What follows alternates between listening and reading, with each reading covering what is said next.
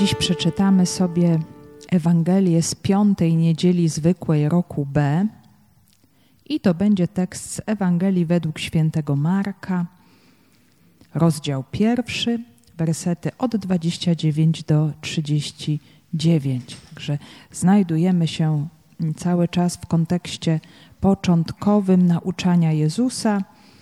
Mm, święty Marek nas wprowadza w jego działalność w Kafarnaum, ale zanim mm, wejdziemy w to głębiej, poprośmy o dar otwartości serca, dar przyjęcia słowa, które będzie też takim dla nas przewodnikiem w kolejną niedzielę, będzie takim bardzo ważnym punktem naszego dnia podczas naszej niedzielnej Eucharystii, abyśmy już dziś otworzyli nasze serca i przygotowali się na przyjęcie tego daru. Panie Jezu Chryste, uwielbiamy Cię obecnego w naszych sercach, pomiędzy nami, w tej wspólnocie, która się gromadzi w Twoje imię. Oddajemy Ci to wszystko, co jest dzisiaj naszym udziałem, to, co przeżywamy i to, co radosne, i to, co trudne. Prosimy Cię, otwieraj nasze serca mocą Twego ducha, mocą miłości, którą daje Twój święty duch abyśmy mogli spotkać i doświadczyć Ciebie w tym słowie. Przyjdź o Duchu Święty, przyjdź mocy Boga i słodyczy Boga.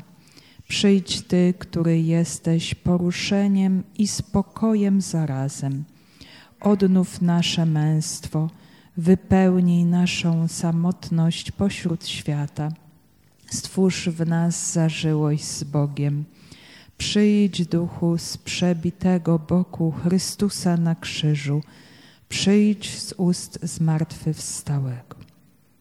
Z Ewangelii według świętego Marka. Zaraz po wyjściu z synagogi przyszedł z Jakubem i Janem do domu Szymona i Andrzeja. Teściowa zaś Szymona leżała w gorączce. Zaraz powiedzieli mu o niej – on podszedł do niej i podniósł ją, ująwszy za rękę. Gorączka ją opuściła, a ona im usługiwała. Z nastaniem wieczora, gdy słońce zaszło, przynosili do niego wszystkich chorych i opętanych, i całe miasto było zebrane u drzwi. Uzdrowił wielu dotkniętych rozmaitymi chorobami i wiele złych duchów wyrzucił – lecz nie pozwalał złym duchom mówić, ponieważ wiedziały, kim on jest. Nad ranem, gdy jeszcze było ciemno, wstał, wyszedł i udał się na miejsce pustynne i tam się modlił. Pośpieszył za nim Szymon z towarzyszami, a gdy go znaleźli, powiedzieli mu: Wszyscy cię szukają. Lecz on rzekł do nich: Pójdźmy gdzie indziej, do sąsiednich miejscowości abym im tam mógł nauczać, bo na to wyszedłem. I chodził po całej Galilei, nauczając w ich synagogach i wyrzucając złe duchy.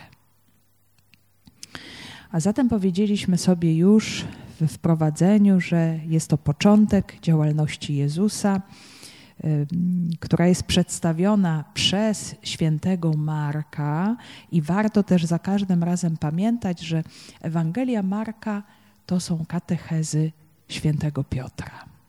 Czyli jest to e, ogląd życia Jezusa, taki też dosyć żywy, bardzo prosty, bardzo konkretny, ale też pełny różnych emocji, e, właśnie przekazany przez świętego Piotra, prawdopodobnie wtedy, kiedy przebywał w Rzymie.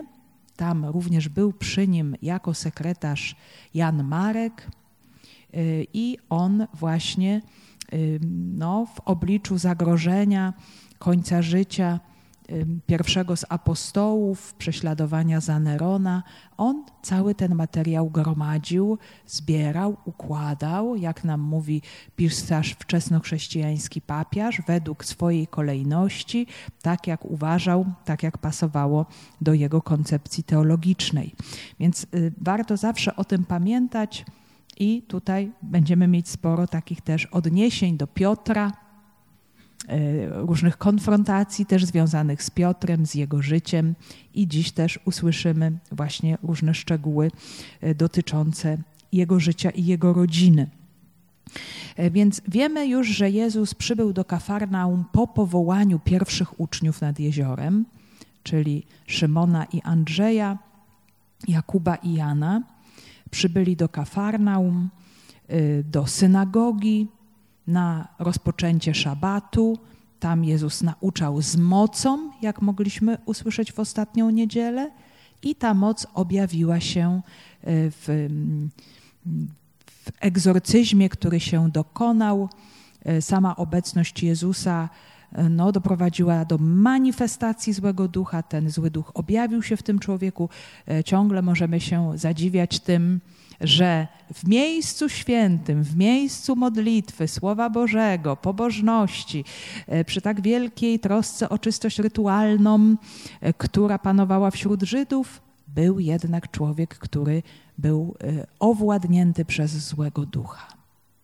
Widzimy, i to jest myślę bardzo ważne, że to zło może się wkradać w życie człowieka na bardzo różne sposoby, niepostrzeżenie i może w ogóle nie dawać jakichś objawów na zewnątrz, i dopiero obecność Boga no już nie pozwala demonowi się ukrywać. On się musi manifestować, bo widzi mocniejszego od siebie, widzi, że już jego koniec jest bliski.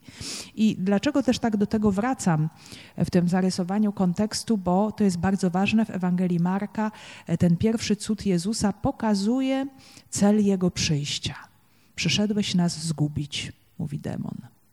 I to się właśnie dokona E, ale poprzez mękę i śmierć krzyżową, przez to uniżenie Jezusa, przez to jego totalne posłuszeństwo, którym zniszczy totalne nieposłuszeństwo demona i e, to, co później również e, odbija się w człowieku, w nas, ta rana właśnie nieposłuszeństwa związana z naszym grzechem. Więc to będzie to zwycięstwo.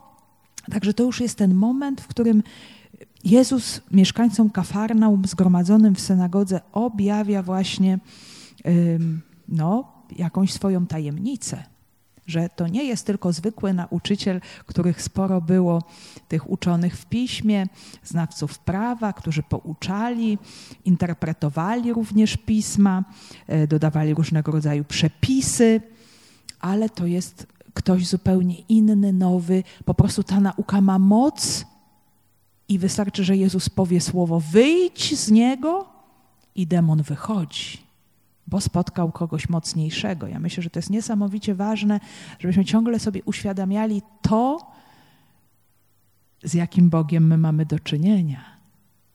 Że to jest Pan Panów, że to jest ktoś posiadający największą moc we wszechświecie. Że jeżeli właśnie obok mnie stoi mój Bóg, Cóż mi może zagrozić, jeżeli ja jestem w jedności z Nim, jeżeli nawet wszystkie potęgi świata stają przeciwko mnie, jeżeli nawet doświadczam y, jakiegoś unicestwienia w ludzkim wymiarze, to ja z Nim i w Nim zawsze zwyciężam. I to jest właśnie ta niesamowita dobra nowina, która od początku Ewangelii Marka nas, y, nas prowadzi. No ale modlitwa w synagodze się kończy. I y, zwykle to Żydzi czynią, że po rozpoczęciu szabatu jest kolacja szabatowa. Przychodzi się do domu. Y, szabat świętuje się w domu. No i zaraz właśnie to nastąpi. Jezus z uczniami przychodzi do domu Szymona i Andrzeja. Tam również są z nimi też Jakub i Jan, więc pierwsi uczniowie są z nim Y, ale później zobaczymy też ciąg dalszy, czyli taki możemy powiedzieć dzień z życia Jezusa. Dzień i noc z życia Jezusa. E, Marek w to nas wprowadzi. Zaraz po wyjściu z synagogi przyszedł z Jakubem i Janem do domu Szymona i Andrzeja. Teściowa zaś Szymona leżała w gorączce. Zaraz powiedzieli mu o niej. On podszedł do niej i podniósł ją, ująwszy za rękę – Gorączka ją opuściła, a ona im usługiwała. E, także Jezus przychodzi do domu e, dwóch braci, Też tak widzimy, że Jezus nie ma swojego domu na stałe, od kiedy opuścił e, swój rodzinny dom w Nazarecie.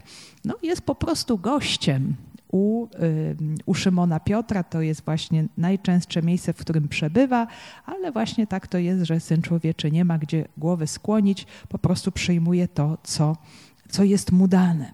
I też nie wiemy, jak liczna była rodzina tam y, obecna, mieszkająca. Nic nie wiemy o samej rodzinie Szymona Piotra. Nie wiemy, czy była żona, nie ma o niej mowy, ale no musiała kiedyś być, skoro była teściowa. Teściowa jest tego po prostu bardzo dobitnym znakiem. E, są różne tutaj hipotezy. Niektórzy uważają na przykład, że Piotr już w tym czasie był wdowcem i że właśnie mając dobre serce opiekował się starszą teściową. Albo też może y, no, mm, tutaj jakieś szczegóły dotyczące żony są po prostu y, pominięte. Chociaż e, święty Paweł e, też mówi o, o tym, że apostołowie niektórzy biorą ze sobą do, na głoszenie żonę albo siostrę, e, więc zdarzało się tak, że wśród pierwszych chrześcijan działały też małżeństwa. Najbardziej takim wyrazistym tego przykładem jest Akwila i Pryscylla wierni towarzysze, e, przyjaciele, pomocnicy, e, współpracownicy świętego Pawła. Więc e, oprócz ludzi totalnie oddanych ewangelizacji, żyjących dla Pana bez żenności, dla Królestwa Bożego, też były małżeństwa. Więc nie jest to tutaj wykluczone. Niemniej nic o żonie Piotra ani o ewentualnych dzieciach nic nie wiemy. Słyszymy tylko o teściowej. No i tutaj bardzo jest ważna y, sama ta kwestia domu, zwłaszcza w Ewangelii Marka, bo jest to jakaś alternatywa wobec synagogi. Miejscem modlitwy, rozważania, spotkania, gromadzenia się też wspólnoty żydowskiej była synagoga. No bo wiadomo, nie każdy mieszkał w Jerozolimie, świątynia była tylko jedna, tam pielgrzymowano na święta pielgrzymie. Ona miała też inny charakter, bardziej koncentrowała się na kulcie ofiarniczym, y, też na modlitwie, y, ale no wiadomo, że tam było zawsze bardzo dużo ludzi. Natomiast synagogi gromadziły lokalne wspólnoty żydowskie, nawet w, w dość małych osadach były synagogi, tak jak na przykład w Nazarecie, no Kafarnaum to już było nieco większe y, miasteczko, osada. I tutaj właśnie ta synagoga jest. I wiemy też, że początkowo judeochrześcijanie też do synagog przynależeli. Jezus sam działał, nauczał w synagodze, apostołowie również do synagog się udawali. Nawet jak już chrześcijaństwo stawało się coraz bardziej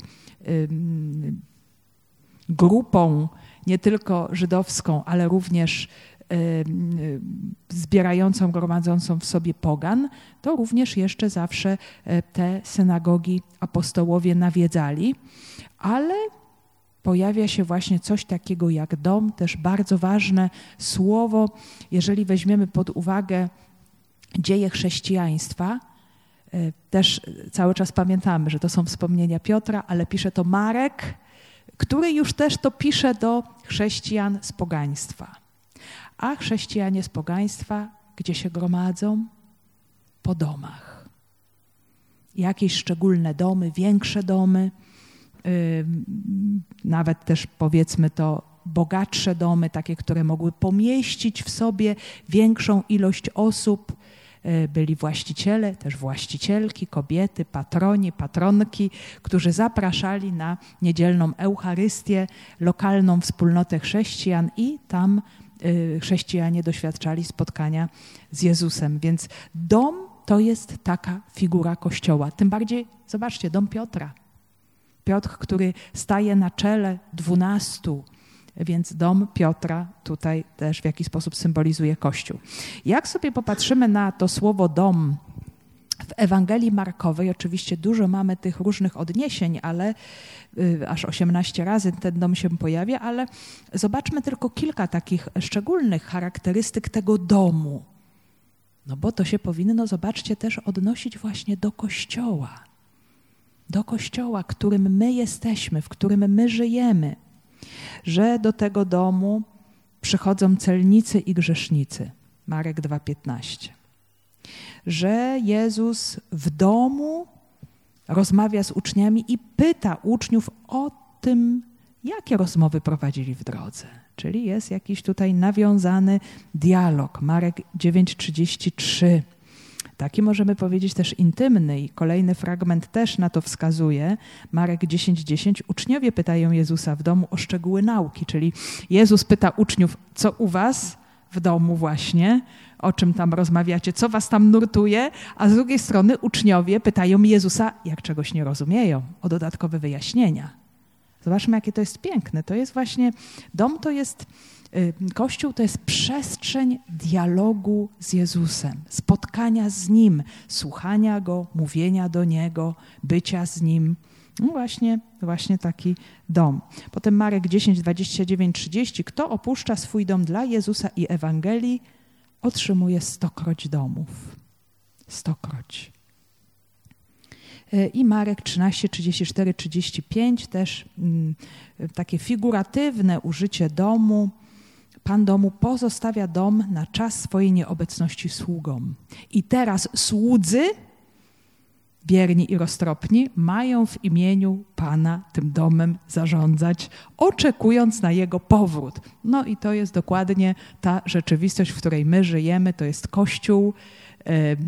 No i właśnie, wszystko mamy czynić, myśląc o tym, że Pan powróci. Mm, to, to właśnie jakoś chrześcijanina uzdalnia do czujności, do pewnego życia takiego skoncentrowanego na rzeczach ważnych, istotnych, ukierunkowanego, budującego właściwą hierarchię wartości, co jest naprawdę ważne, istotne, co jest drugorzędne, co jest trzeciorzędne i tak dalej.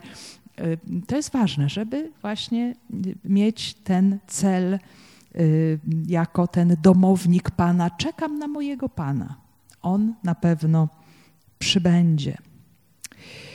No i w tymże właśnie domu jest kobieta, która nie miała możliwości ani słuchać Jezusa do tej pory, to, co Jezus nauczał, tego, czego Jezus nauczał w synagodze, ani nie widziała, jak ta moc Jego słowa się realizuje w praktyce, bo leży w domu więc nie uczestniczyła w nabożeństwie szabatowym. Natomiast właśnie jest w jakiejś trudności, w trudnym stanie.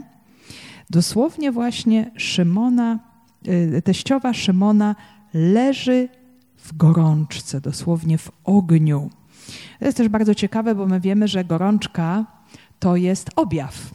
To nie jest choroba jako taka, ale dla starożytnych takie ciężkie formy gorączkowania, jeszcze połączone z różnymi innymi dotkliwymi objawami, no to, był, to była jakaś też bardzo konkretna e, choroba. E, możemy sobie przypomnieć, jak e, święty Paweł po rozbiciu się na Malcie właśnie uleczył zarządcę wyspy Publiusza, ojca zarządcy wyspy, właśnie wyleczył z gorączki i biegunki. I to było właśnie takim niesamowicie wielkim, ważnym znakiem dla mieszkańców Malty. Więc ta gorączka, ona była bardzo, bardzo też niebezpieczna. I teściowa leży w łóżku.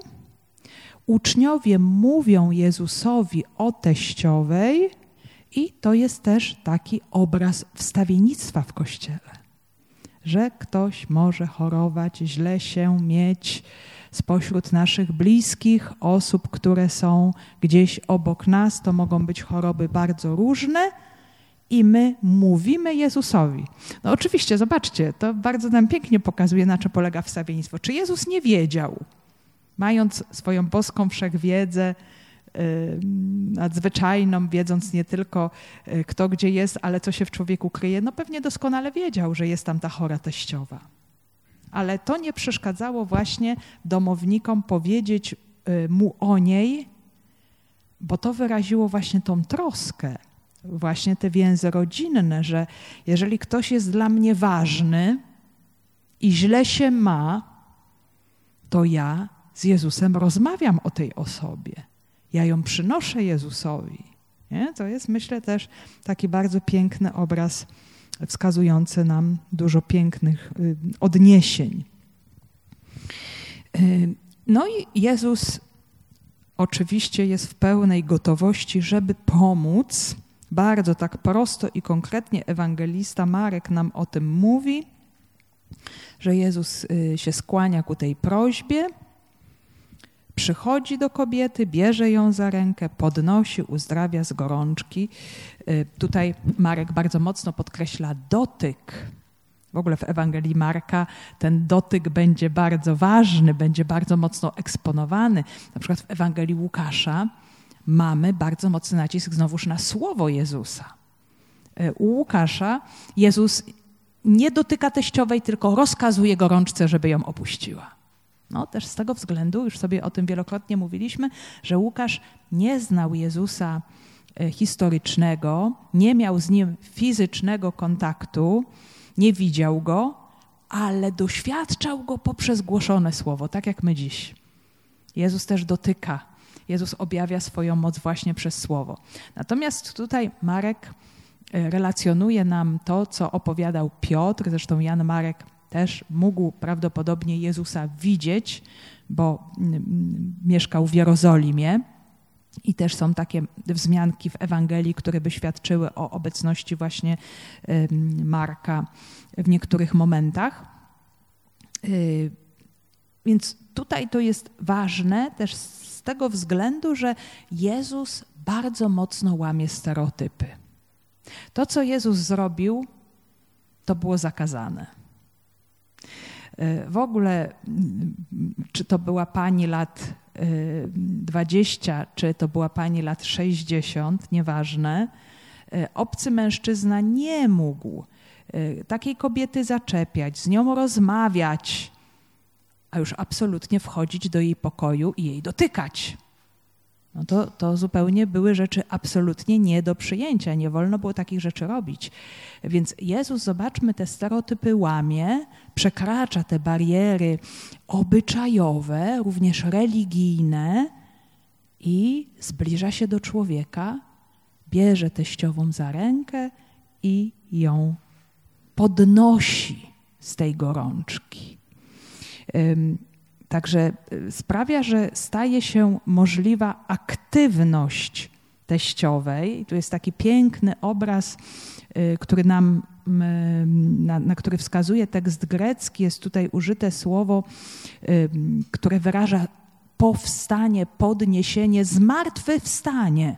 To słowo w Ewangelii i w innych miejscach Nowego Testamentu nam opisuje zmartwychwstanie że Jezus, kiedy dotyka człowieka, kiedy go podnosi, to nie tylko go leczy cieleśnie, ale przede wszystkim leczy go duchowo.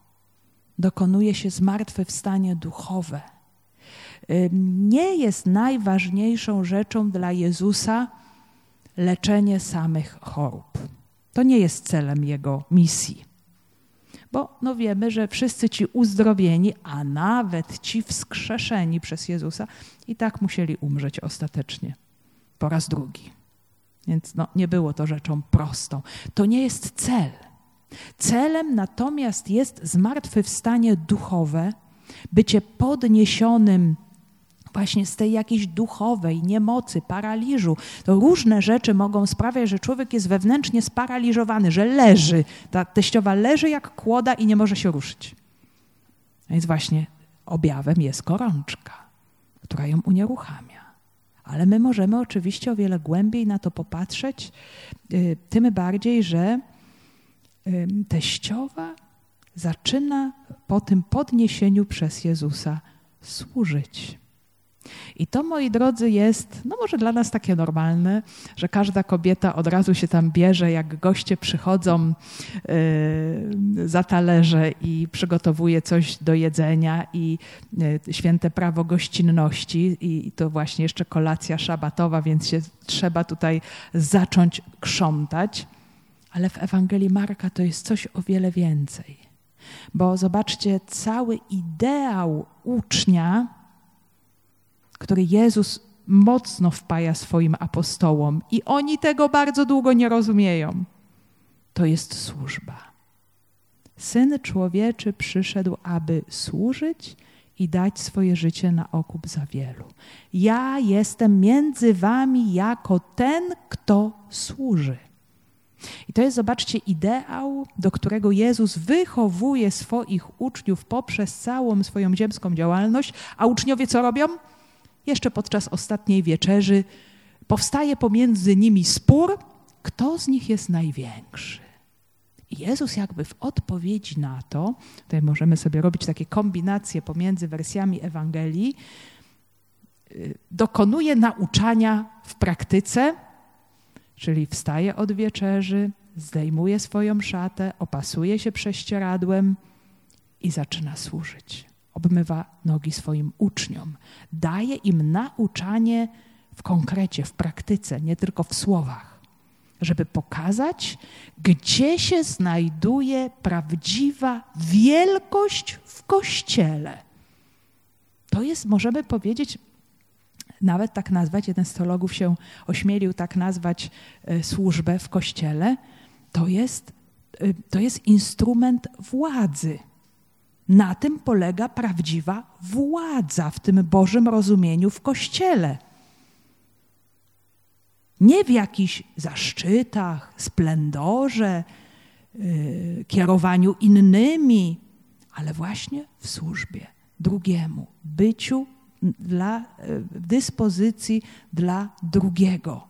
To jest, to jest właśnie ten wyraz najwyższej y, władzy również w Kościele. Jak widzimy, uczniowie nie byli w stanie tego pojąć aż do zesłania Ducha Świętego. Potem Duch Święty ich pouczył bardzo dobrze o tym, co oznacza służyć y, i, i faktycznie w to weszli. Natomiast zobaczmy, teściowa zrozumiała to od razu. No, możemy mówić, no natura kobiety, no kobiety takie były. Zobaczcie, to jest, to jest coś niezwykłego, to jest coś cudownego, co gdzieś jest um,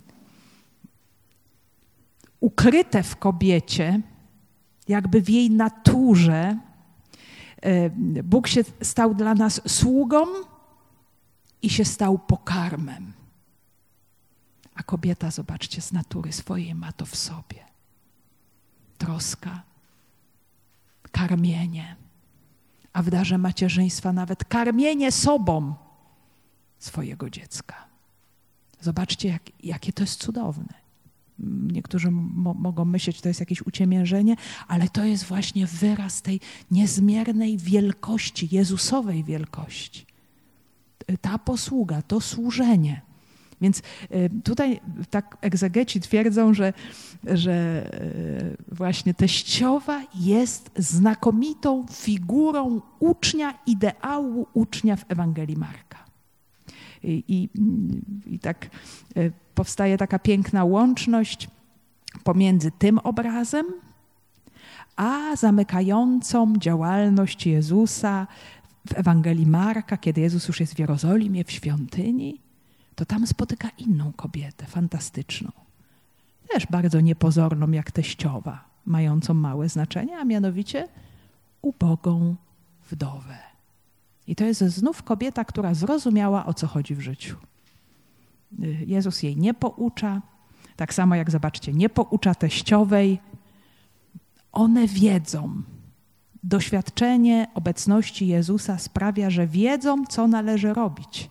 Teściowa służy, a wdowa oddaje wszystko. I to jest dokładny przykład tego, co uczynił Jezus. Całe swoje życie służył, a na końcu oddał siebie samego Ojcu i nam. Y, swoje ciało, swoją duszę, jak te dwa ostatnie pieniążki. Nic nie zostawił dla siebie. Więc Ewangelia Marka właśnie nam się tutaj rozciąga pomiędzy tymi dwoma cudownymi przykładami kobiet, które z ludzkiego punktu widzenia są takie nieistotne. E, jedna jest słaba, bo już jest pewnie starszą kobietą, pewnie wdową, druga też jest wdową i to jeszcze ubogą. Więc z ludzkiego punktu widzenia mają niewiele do powiedzenia, ale przez nich jakby przebłyskuje to niesamowite światło mentalności Jezusa, postawy Jezusa. I to jest właśnie to, co się w życiu liczy. I ta posługa też jest, staje się czymś stałym.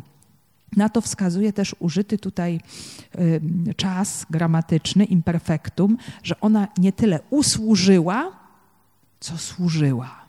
Nie? To, co potem też znajdujemy w postawie Marty, że ona, ona po prostu służyła do stołu.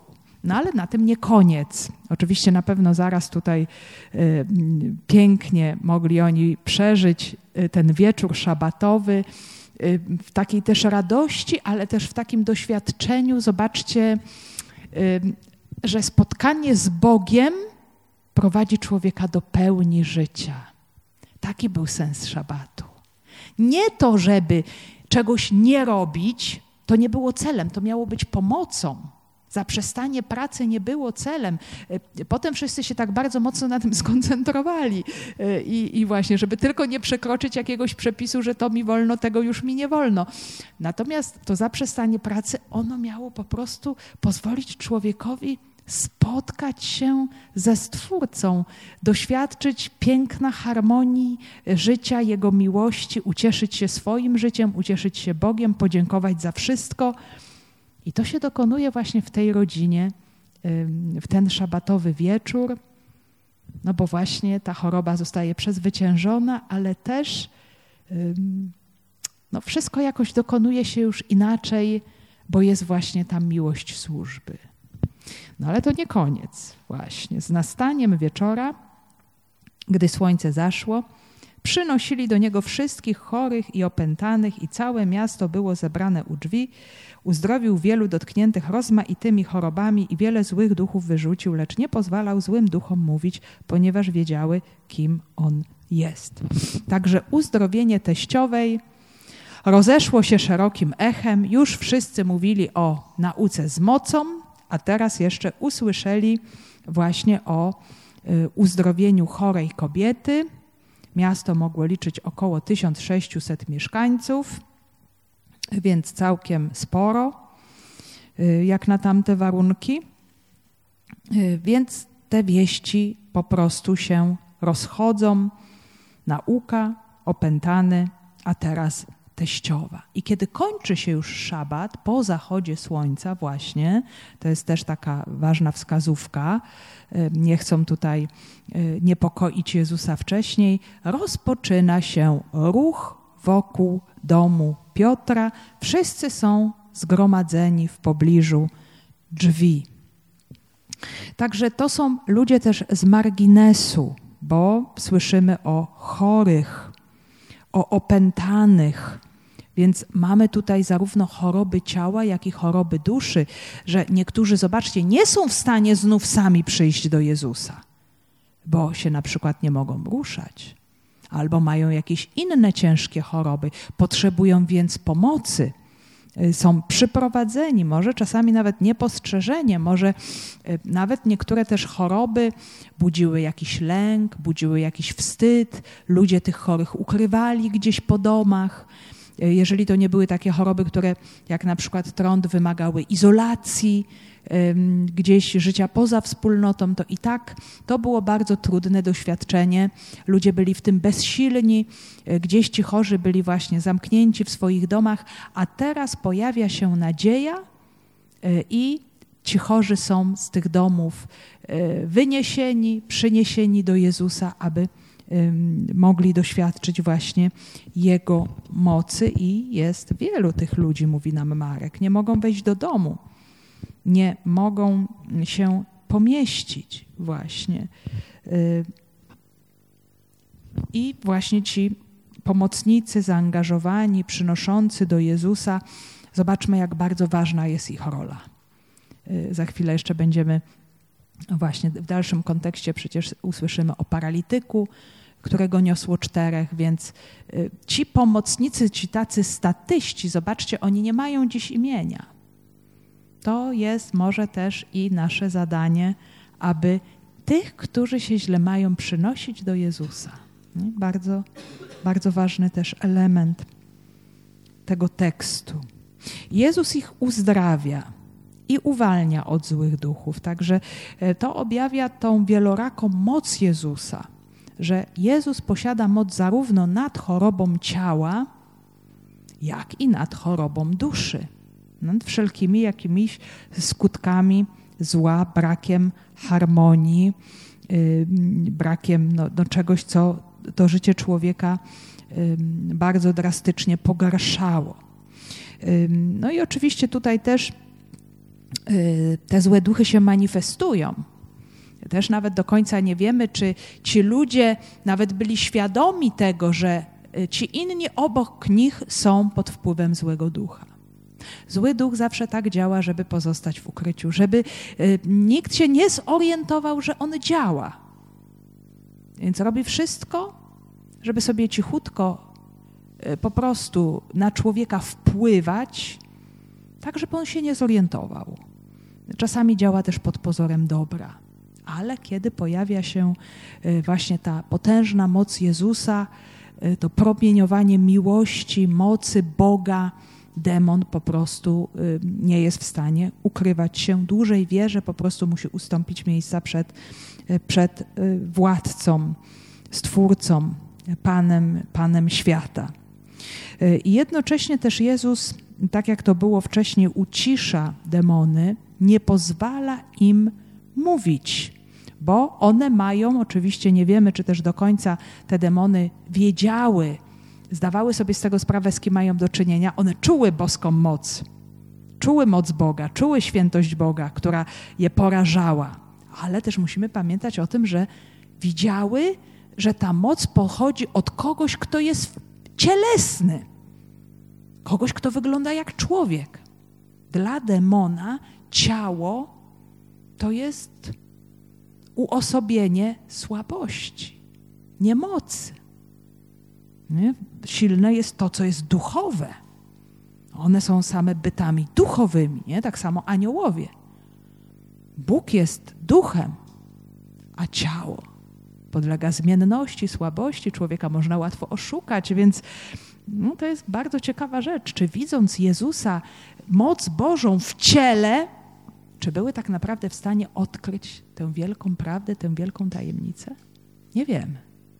Nie wiemy ale na pewno miały świadomość tego, że ten człowiek, który tutaj jest obecny, posiada moc samego Boga. Moc samego Boga. I Jezus y, nie chce, y, żeby demony cokolwiek mówiły na jego temat. Dlaczego? Bo nie chce być objawiany, ogłaszany przez demona. Jezus nie chce tego. Jezus to zadanie przekaże nam, żebyśmy go ogłaszali. Żebyśmy ogłaszali, to jest dzieło naszego Pana. On jest pośród nas, y, nas uzdrawia, nas przemienia, wyzwala nas z siły zła. My jesteśmy miejscem Jego obecności, my jesteśmy Jego świątynią, my jesteśmy Jego własnością. A co Bóg ma wspólnego z demonami? No nic. Jezus nie chce pozwolić na to, aby go ogłaszały demony. Nie chce też nawet, aby ktokolwiek na tym etapie jego głoszenia jeszcze cokolwiek po swojemu odkrył e, właśnie tą mesjańskość Jezusa, bo ona się dopiero objawi w tajemnicy Jego krzyża i Ewangelia Marka bardzo stopniowo nas właśnie do tego e, prowadzi. I ta posługa Jezusa mogła trwać do późnych godzin po zachodzie słońca. Nie wiemy, ilu tych ludzi było, tych chorych, cierpiących. Także na pewno Jezus był bardzo utrudzony całą tą posługą. Być może była jakaś chwila, jakiś czas jego odpoczynku, jego snu, ale jakie musiało być wielkie zaskoczenie, kiedy właśnie Jezus wcześnie rano o świcie opuszcza dom Piotra. Nad ranem, gdy jeszcze było ciemno, wstał, wyszedł i udał się na miejsce pustynne i tam się modlił. Pośpieszył za nim Szymon z towarzyszami. A gdy go znaleźli, powiedzieli mu: Wszyscy cię szukają. Lecz on rzekł do nich: Pójdźmy gdzie indziej, do sąsiednich miejscowości, abym i tam mógł nauczać, bo na to wyszedłem. i chodził po całej Galilei, nauczając w ich synagogach i wyrzucając złe duchy. Także Jezus wstaje rano, wcześniej niż wszyscy, i idzie sobie poza osadę, tam gdzie nie ma domów, tam gdzie nie ma ludzi, e, i zatrzymuje się. No, nie jest to pustynia, bo w Galilei, nad jeziorem galilejskim nie ma pustyni, ale jest wspaniała, piękna roślinność, ale jest dużo też pagórków, miejsc niezamieszkałych, gdzie można właśnie w jakimś pięknym, uroczym zakątku no, spotkać się z Bogiem, modlić, rozmawiać, słuchać. No i ta modlitwa trwa pewien czas. Dlaczego Jezus to robi? No zobaczmy, Jezus, chociaż jest w nieustannym kontakcie ze swoim Ojcem, takim kontakcie, który no, dla nas jest całkowitą tajemnicą, bo to jest relacja pomiędzy osobami boskimi. To nawet nie jest relacja jakiegoś bardzo świątobliwego człowieka z Bogiem, ale to jest relacja Boga z Bogiem. Oczywiście Syn Boży jest w ludzkim ciele, w ludzkiej naturze i On też poprzez te wszystkie składniki, elementy człowieczeństwa y, mamy zmysły, mamy y, różnego rodzaju poruszenia, zewnętrzne emocje, potem poruszenia te wewnętrzne związane z naszą pamięcią, z naszym intelektem, nasza wola, czyli już te władze wewnętrzne, władze duchowe. Y, Jezus się komunikuje z Ojcem. Jest to dla nas tajemnica jak to się dokonywało w tym, tym niesamowitym istnieniu Boga człowieka. Jak on się modlił, jak on Ojca doświadczał swoją osobą, jak go słyszał. Ale to jest, zobaczcie, cudowne, że Ewangelie w różnych miejscach mówią nam o modlitwie Jezusa, i tak moglibyśmy sobie mówić, no przecież on był cały czas ojcem, on żył w ciągłej jedności, on nie musiał tak do Boga powracać, jak my musimy gdzieś wychodzić z tych naszych rzeczy błahych, zewnętrznych, takich czy nie innych, żeby gdzieś na Boga się otwierać, bo on w tej relacji był. A jednak mimo tego on y, szukał takich momentów bycia sam na sam z Ojcem. To jest dla nas niesamowicie ważne że my również tego bardzo potrzebujemy. Tej takiej wewnętrznej samotności. Im większa jest nasza aktywność ludzka, tym bardziej potrzebujemy. Jezus to bardzo wyraźnie wskazuje po tym aktywnym wieczorze, hiperaktywnym wieczorze, jak bardzo potrzebuje właśnie tego czasu kontemplacji, słuchania Ojca. Mm, I, I nie tylko to, że On tego potrzebuje, ale on jednocześnie rozeznaje jego wolę. No to jest bardzo ciekawa rzecz, że przecież Jezus y, był złączony z wolą Ojca. On ją nieustannie pełnił w doskonały sposób, tego pragnął. No i też ją, możemy powiedzieć, w jakimś sensie tak ogólnie znał. Wiedział, y, jak, na co przyszedł na świat, wiedział, jaki jest cel jego misji ale jednocześnie w tych wszystkich drobnych szczegółach Jezus żyje w niesamowicie pięknej uważności, żeby teraz rozeznać, gdzie jest prawdziwe dobro. Nie jest wybieranie między dobrem a złem. W ogóle o czymś takim nie ma mowy w życiu Jezusa. To jest ciągłe wybieranie pomiędzy tym, co dobre, a tym, co jeszcze lepsze. Co będzie lepsze? Co będzie wolą Ojca w tym momencie? Pozostać w Kafarnaum, gdzie jest tyle potrzeb, gdzie ci ludzie mnie tak bardzo potrzebują. Całe miasto jest u drzwi i przyjmują mnie bardzo pozytywnie. Oczywiście będą tam i różne napięcia w tym Kafarnaum, gdzie też będzie i niedowiarstwo, ale teraz tutaj widać y, to przyjęcie bardzo pozytywne, nie tak jak niedowiarcy w Nazarecie czy w innych miejscach. Więc co będzie prawdziwym dobrem? Zostać tutaj, czy pójść dalej? To, to, to jest bardzo ważna kwestia, umiejętność wybierania pomiędzy tym, co dobre, a tym, co lepsze. To wszystko nie jest takie bardzo oczywiste i faktycznie jest coś na rzeczy, bo kiedy tylko Szymon wstaje i, i pozostali uczniowie widzą, że Jezusa nie ma, od razu biegną go szukać. Gdzie on jest? No gdzie on jest? Wszyscy cię szukają, czyli ludzie znów chcą się z tobą spotkać. Mają nauczyciela, cudotwórcę. Widzą w nim oparcie, poczucie bezpieczeństwa, jakiś ratunek i chcą go zatrzymać. A że Jezus bardzo dobrze to przeczuł, że coś takiego może nastąpić. Hmm? I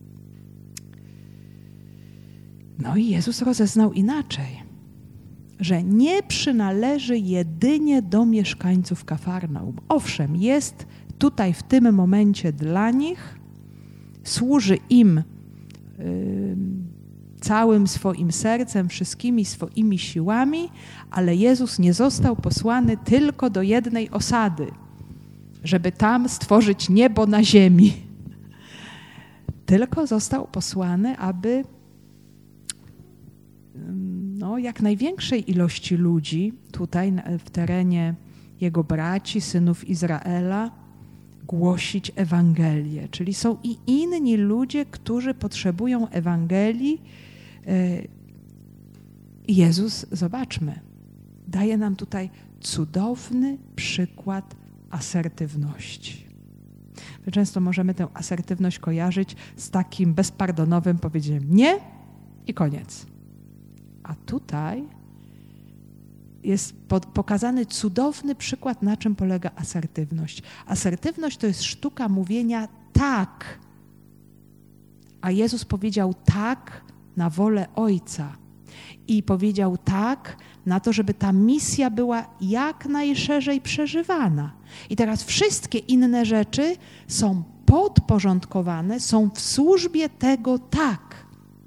Więc nawet jeżeli Jezus opuszcza to kafarnaum w tym momencie, to nie po to, żeby odrzucić tych ludzi, zobaczmy, ale żeby powiedzieć tak na innych, do których ma pójść. I to jest właśnie ten cudowny, możemy powiedzieć, Jezusowy model asertywności, gdzie ja działam zgodnie z tym najgłębszym wyborem, zgodnie z wolą Bożą i te wszystkie nie, które tak ja mam powiedzieć, one nie są po to, żeby powiedzieć nie, ale po to, żeby powiedzieć tak na większe dobro. I myślę, że to jest cudowne, że to jest niezwykłe, że Jezus w cudowny sposób nas uczy takiej niesamowicie rozumnej służby Bożej, jak to święty Paweł w liście do Rzymian nazwie. Rozumna służba Boża, rozeznawanie woli Ojca, wsłuchiwanie się. Jeżeli zostanę tu, to co nastąpi? Jeżeli nie pójdę gdzieś indziej, a jeżeli pójdę, no i wtedy rozważam te różne możliwości. Więc tutaj właśnie Jezus nam to pokazuje, nas tego w cudowny sposób uczy i też pokazuje, co jest dla Niego y, najważniejsze. Właśnie nie uzdrawianie. Pierwsze jest nauczanie.